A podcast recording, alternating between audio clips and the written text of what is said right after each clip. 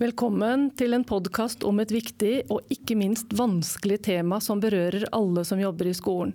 Daglig hører vi om vanskelige situasjoner der ansatte i skolen sliter med å håndtere elever med utfordrende atferd. Og vi hører om lærere som ikke vet hvordan de skal ta tak i episoder som oppstår. Hvordan kan ledere og ansatte i skolen på best mulig måte forebygge og lære seg å håndtere de ulike konfliktsituasjonene som oppstår i skolen? Jeg heter Lisbeth Storvik Jacobsen, og med meg i studio i dag har jeg noen gjester som kan mye om dette vanskelige temaet. Velkommen til enhetsleder Jørn Wallin Pettersen og rådgiver Mari Kindem fra Alternative skolearenaer i Sarpsborg kommune. Takk. Takk for det. Dere har jobba i skolen i mange år begge to, og jeg vet at dere har jobbet mye med elever med mange ulike utfordringer, både ved spesialenheten og i vanlig skole. Det er veldig hyggelig at dere kunne komme hit i dag. Og så må vi ønske velkommen til deg, Ingunn Vik, jurist og seniorrådgiver i Visma Smartskill. Du jobber jo daglig med de juridiske problemstillingene som angår barna våre, både i skole, barnehage og barnevern. Tusen takk.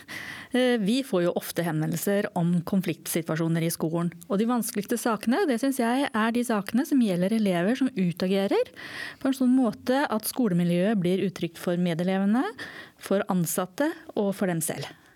Ja, Det virker jo som om det er vanskelig å si noe helt konkret om hva man kan og hva man ikke kan gjøre.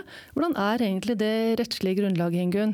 Det som kanskje er noe av problemet, er jo at opplæringsloven har ingen, ingen hjemmel for bruk av makt. Det er viktig å være klar over. Mm. Det har man jo i helselovgivningen, men de reglene gjelder jo da i utgangspunktet ikke for ansatte i skolen. Nei, akkurat. Så det vi står igjen med, det er jo bestemmelsen om nødverge i straffeloven, som sier at enkelte ganger så kan eh, straffbare handlinger likevel være lovlige, fordi man gjør det for å verge seg selv eller andre. Og så har vi også mm. noen regler som går på dette med å gi omsorg osv. Mm. Ja, den plikten til eh, læreren til å gripe inn, hvordan, eh, hvordan skal de forholde seg til det? Ja, Opplæringslovens kapittel 9a har jo en veldig streng aktivitetsplikt. Som mm. sier at hvis det er noen som blir utsatt for vold, så har man da i utgangspunktet plikt til å gripe inn i den situasjonen. Mm, uansett? Nei. den går, Selve plikten til å gripe inn går jo på hvor langt når det er mulig uten å utsette seg selv eller andre for fare. Mm. Men Jørn og Mari, dere som har jobba i skolen, dere har sikkert kjent den frustrasjonen over slike situasjoner på kroppen. Kan dere fortelle litt om det? Ja, det har vi. Og det er mange situasjoner rundt omkring på skolene som eh, er, er, vanskelig å håndtere for en eh, lærer. Mm. De har eh, liten kunnskap om temaet. Og ehm, de har også lite kunnskap om eh, det juridiske i forhold til mm. hva de kan gjøre og ikke kan gjøre. Mm. Sånn at når eh, situasjoner eh, oppstår, så, ehm, så vet de rett og slett ikke hva eller hvordan de skal løse den konflikten som eventuelt har oppstått. Nei, det har du nok helt rett i. Er det den, det du sitter igjen med også etter å ha vært ute i skolen? Ja, det er det. Det er, eh, det er, ikke lett å vite hvordan man skal håndtere hvis man ikke har kunnskapen eller kompetansen på det som skjer med elever som eh, har det vanskelig. Mm.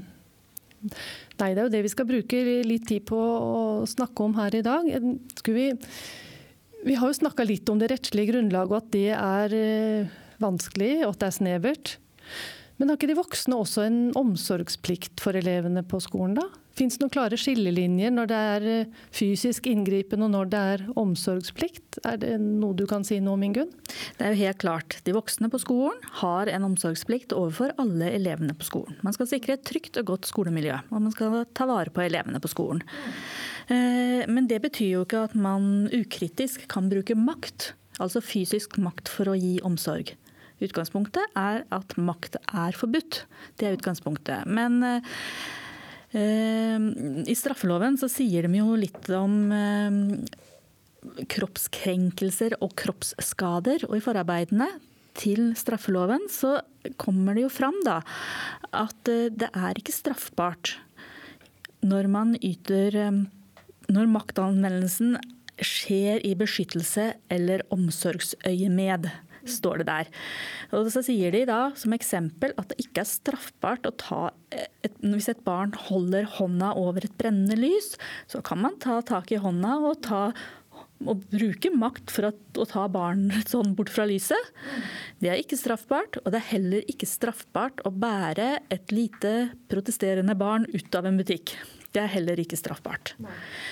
Men det kan, det er, når man skal vurdere de unntakene, så må man jo hele tida vurdere eh, det tiltaket man eh, har tenkt å gjøre opp mot barnets alder, og hvor inngripende den handlingen man har tenkt å gjøre, vil bli oppfatta av barnet. Eh, for et barn i skolealder så er det min mening at det vil være svært inngripende å bære barnet skrikende ut av et klasserom. Ja. Det, det har du sikkert noe innspill og tanker om det du òg, Jørn? Ja, eh, det har jeg. Fordi eh, jeg er egentlig veldig glad i den omsorgsplikten framfor nødverge, f.eks. Og det er fordi at omsorgsplikten, slik jeg har forstått den, eh, så er det sånn at når foreldre overlater barn til skolen, så er det på en måte De overlater også da Eh, på et vis foreldreansvaret for det barnet. Eh, og eh, når man har det i, i, i mente, så tenker jeg at når man da går inn da, med, med, eventuelt maktutøvelse, så gjør man det eh, med omsorg for barnet i fokus. Og da tenker jeg at at eh, man har en helt annen innfallsvinkel i maktutøvelsen sin. Og nok kan oppleves på en annen måte for det barnet som, som blir utsatt for uh, maktutøvelse. Um, så, så, men det er som uh, min sidekvinne uh, sier her, at her må man se i forhold til barnets alder. Fordi, og, og, det kan by på litt utfordringer med tanke på eh, noen av de elevene som vi jobber med, som har eh, større kognitive utfordringer. Eh, så er det altså eh, levealder som vi må ta utgangspunkt i, og ikke kognitiv alder. Da. Akkurat. Mm. Har du noe innspill til det, Ingunn? Jeg er egentlig ganske så enig i det han sier. At jo eldre barnet er, jo mer farlig eller hva vi skal si, med større risiko må det være til stede før man kan gå inn med fysiske inngrep. Men selvfølgelig har man omsorg i tankene, så utøver man jo den nødvendige makta på en helt annen måte enn hvis det var avstraffelse f.eks. Det er jo ikke lov. Nei. Hel, ja. Nei, så kan vi jo kanskje tenke det at eh, nå snakker vi om maktbruk og omsorgsplikt og sånn, men det må jo være utrolig viktig at vi kan forebygge noen av disse konfliktsituasjonene ute i skolen. Og jeg vet at dere i Sarpsborg kommune har jobba veldig målrettet med hvordan man kan forebygge konfliktsituasjoner. Opplæring, hva man gjør når man står oppe i en situasjon. Kan dere fortelle litt om hva dere har gjort og hvordan dere jobber med det? Eh, ja, det kan jeg. For det har vi jobba eh, ganske mye med. Eh, først i vår enhet, alternative skolearenaer. Og så har vi også nå begynt å jobbe ut mot skolene i, i Sarpsborg. Fordi vi, vi, vi, sto i en situasjon hvor vi fikk kritikk eller en politianmeldelse i forhold til ulovlig bruk av makt og tvang. Eh, nå, nå ble vi frikjent for den, men eh, det som vi da skjønte, det er at eh, her trenger de ansatte mer kunnskap. Og det første vi begynte med da, det var kunnskap om lovverk. Hva kan man gjøre, hva kan man ikke gjøre, og i hvilke tilfeller. Mm. Hvordan gjorde dere den opplæringen, eller hvordan gjør dere det? Nei, det som, vi, det som vi gjør, det er at vi har um, um, en gjennomgang av nødverge, omsorgsplikt og også handlingsplikt, som det står om i opplæringsloven. Uh, og etter det så, så løste vi også case. Vi lagde noen sånne hypotetiske situasjoner som de da skulle forklare i de tilfellene hva de gjorde av maktutøvelse, og hjemla i hva. Riktig. Eh, og etter hvert så eh, har vi på en måte utvida det litt. At de kan ikke bare se på lovverket, de må også se det i en kontekst. Mm. For én ting er hva du faktisk kan ut fra lovverk, men det er også en del andre hensyn som du må ta. Eh, F.eks. barnets verdighet. Så det er noe vi har jobba ganske mye med. Og så har vi eh, fått opplæring av eh, verge i forhold til først og fremst hvordan vi skal unngå at situasjoner eskalerer slik at man må benytte seg av tvang og makt. Og dernest hvordan vi da skal håndtere så vennligsinnet som mulig da, når, vi, når vi først må inn og eventuelt holde eller føre eller Riktig. Ja. Og dette trener dere ofte på, Bruker dere på personalmøter og sånn? For det, det, må jo holdes ved like? Det må holdes ved like. Og um, det blir brukt bl.a. så har vi deler av planleggingsdager og, og, sånn, hvor vi gjennomfører dette her. Og så har vi også noen som da har gått videre og um, har nå um, det som man kaller instruktørkurs. Og det betyr at de kan da trene opp egne innenfor eh, enheten i, i dette her, da. Eh, det neste vi, vi, gjorde, var da å ta i bruk en, en sånn ROS-analyse. Ja, det må du forklare litt nærmere om. Ja. Um, det vi ser er at selv dette er ikke godt nok. Fordi vi ønsker jo ikke at situasjonene skal bli så alvorlige at vi må utøve tvang og makt hvis det er mulig å unngå. Og i de fleste tilfeller, ikke alle, men i de fleste tilfeller så vil jeg mene at man kan unngå det. Og det, det som den ROS-analysen går på, det er at hvis man har sett enkelte hendelser da, som ikke bør skje, eh, så, så kan man da notere ned tre kolonner. Eh, det er da hva slags hendelser er det som skjer. Mm. Når og hvor skjer det, og eventuelt med, med hvem. Altså hva er settingen. Og den har man da gjerne fylt ut. Og så inviterer man da inn foresatte, og, og gjerne barnet som det gjelder også. Men det må jo da ses på alder og modenhet og osv. Men, men hvis det kan være med selv, så er det veldig fint. Mm. Og da eh, får man på en måte sett eh, hva som er utfordringen. Og så eh, samarbeider man med foresatte og eh, barnet selv i de tilfellene. Hva man kan eh, gjøre for å forebygge. At man kan komme med forslag på tiltak man kan gjøre for å forebygge. Og videre, hva gjør vi når situasjonen faktisk har oppstått? Mm. Er det ofte at barna har egne tanker om eh, hva det er som skjer når det går i svart? Ja, eh, de, er, de kjenner seg jo best selv. Mm. Så eh, i de tilfellene de kan være med, så er det et veldig godt bidrag. Og Det som er fint med det, er jo at både foresatte og barnet selv kan komme med forslag. og man får til et eh, godt foreldre- eller skole-hjem-samarbeid.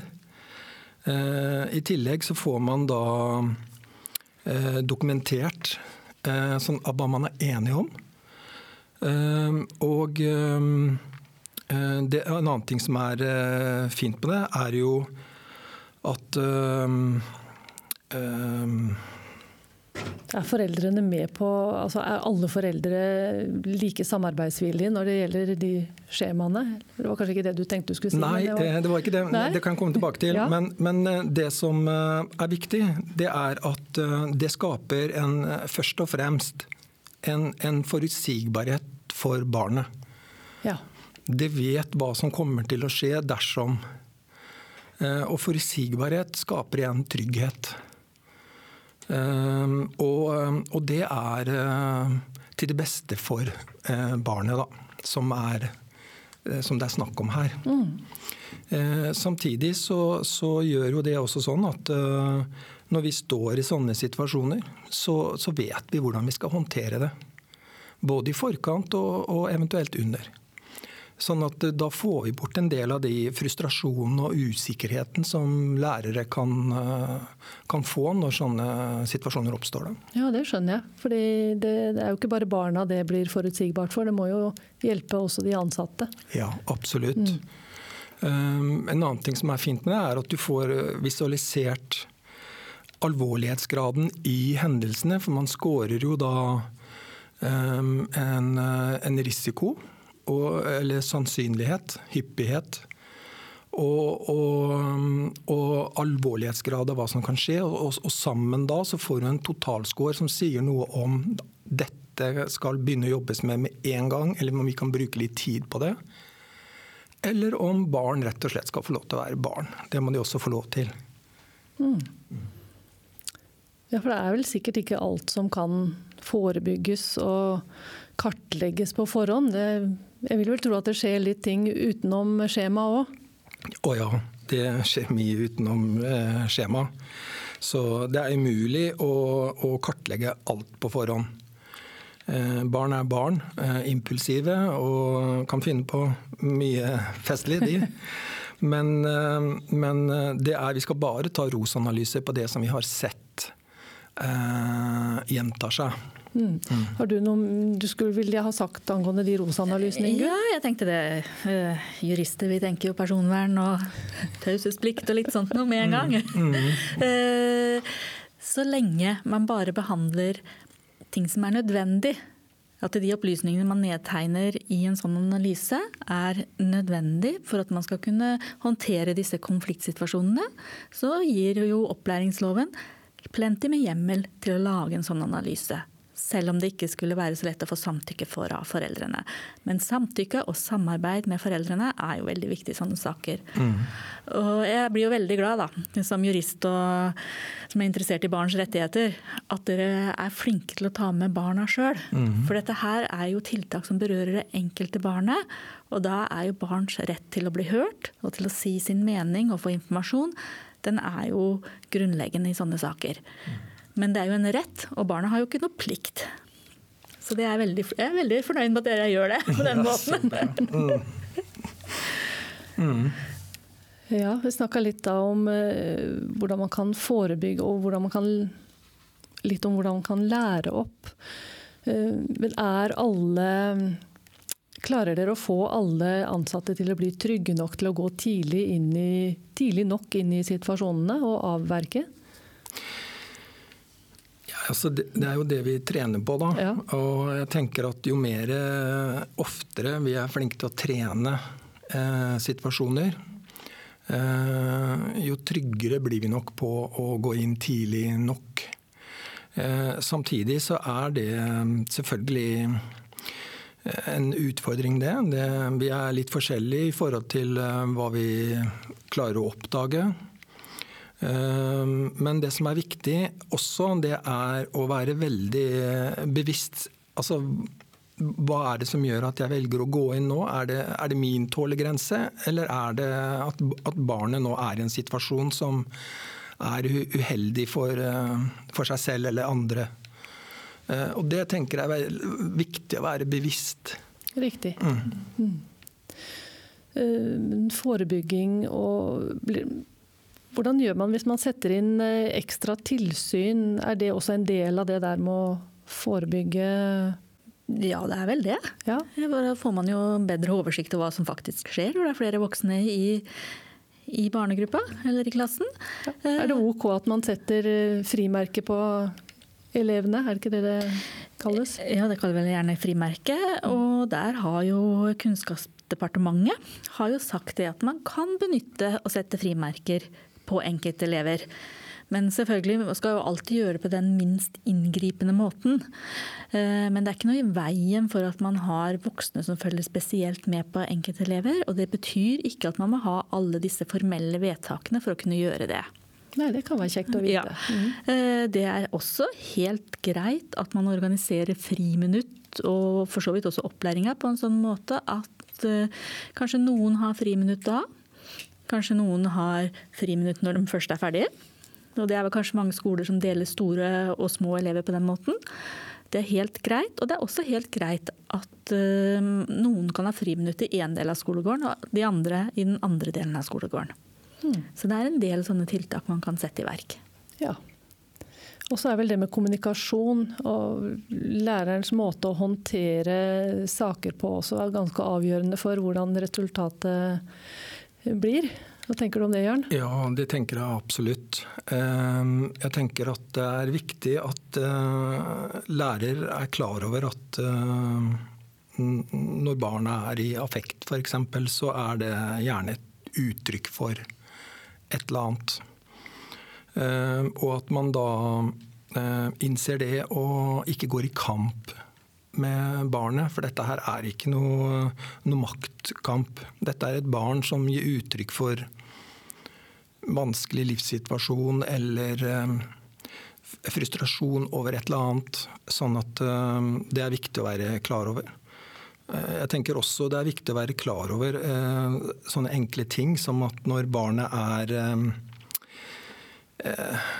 i, i, i en situasjon hvor de kanskje utagerer, og vite litt om mekanismen i hjernen. At den tenkehjernen da er, får du ikke kontakt med. Så da er det ikke noe vits i å, å gå inn og snakke med, med, barnet. Da må du ha en, en vennlig, men grensesettende atferd for det barnet. Og så um, kan du heller ta den praten uh, i etterkant.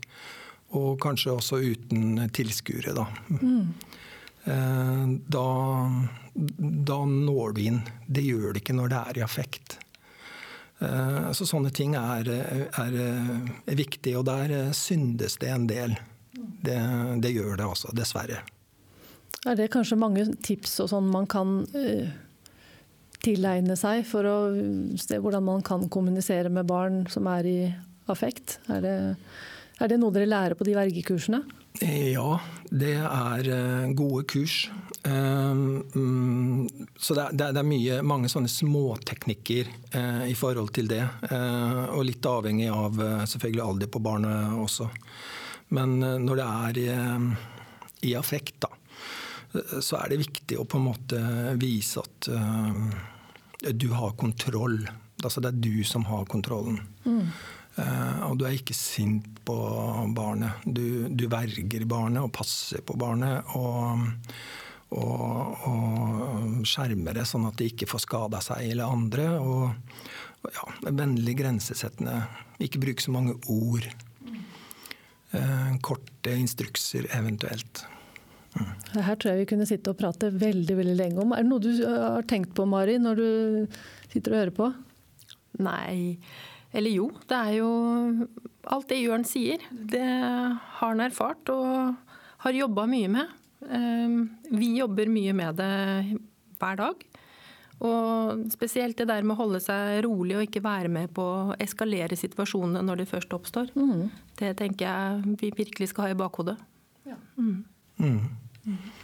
Hva tenker du Ingunn? Eh, jeg tenker jo at det er forebygging og det her med kommunikasjon og alt det her. Det er jo veldig viktig, for vi vil jo ikke ha de farlige situasjonene. Og vi skal jo roe dem så godt det går. Eh, i de tilfellene hvor det er en farlig situasjon. For det kan jo også være. Mm. Da tenker jeg at da må jo de fleste som jobber i skolen være klar over det. At man kan gå inn, og man kan bruke den makta som er nødvendig for å stoppe situasjonen. Men ikke noe mer. Og all utøvelse skal skje på mildeste måte. Ja, Det var kloke ord, Ingunn. Jeg lurer på om vi skal si at det setter sluttstrek. Tusen hjertelig takk for at dere ville stille opp her i dag og dele erfaringene deres. Håper at det kan være til hjelp for mange der ute. Takk skal dere ha. Ja, takk selv. Mm.